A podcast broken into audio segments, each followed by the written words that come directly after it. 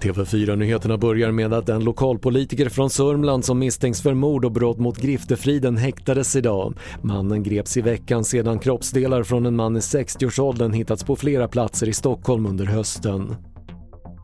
Liberalernas landsmöte körde över partiledningen i flera rättsfrågor. Ledningens debattartikel med Moderaterna, Kristdemokraterna och Sverigedemokraterna om rättspolitiken har mött intern kritik och idag sa landsmötet nej till både anonyma vittnen och visitationszoner.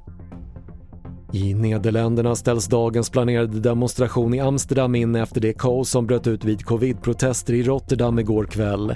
Då sköt polis varningsskott och flera personer skadades efter hundratals samlats för att protestera mot regeringens planer på nya covid-regler. Och översvämningsdrabbade områden i västra Kanada inför ransonering av drivmedel för att spara bränsle till räddningsarbete och transporter. Kraftigt regn med jordskred och översvämningar har slagit hårt mot områden som drabbades av extrem värmebölja och skogsbränder i somras. Fler nyheter hittar du på TV4.se. Jag heter Patrik Lindström.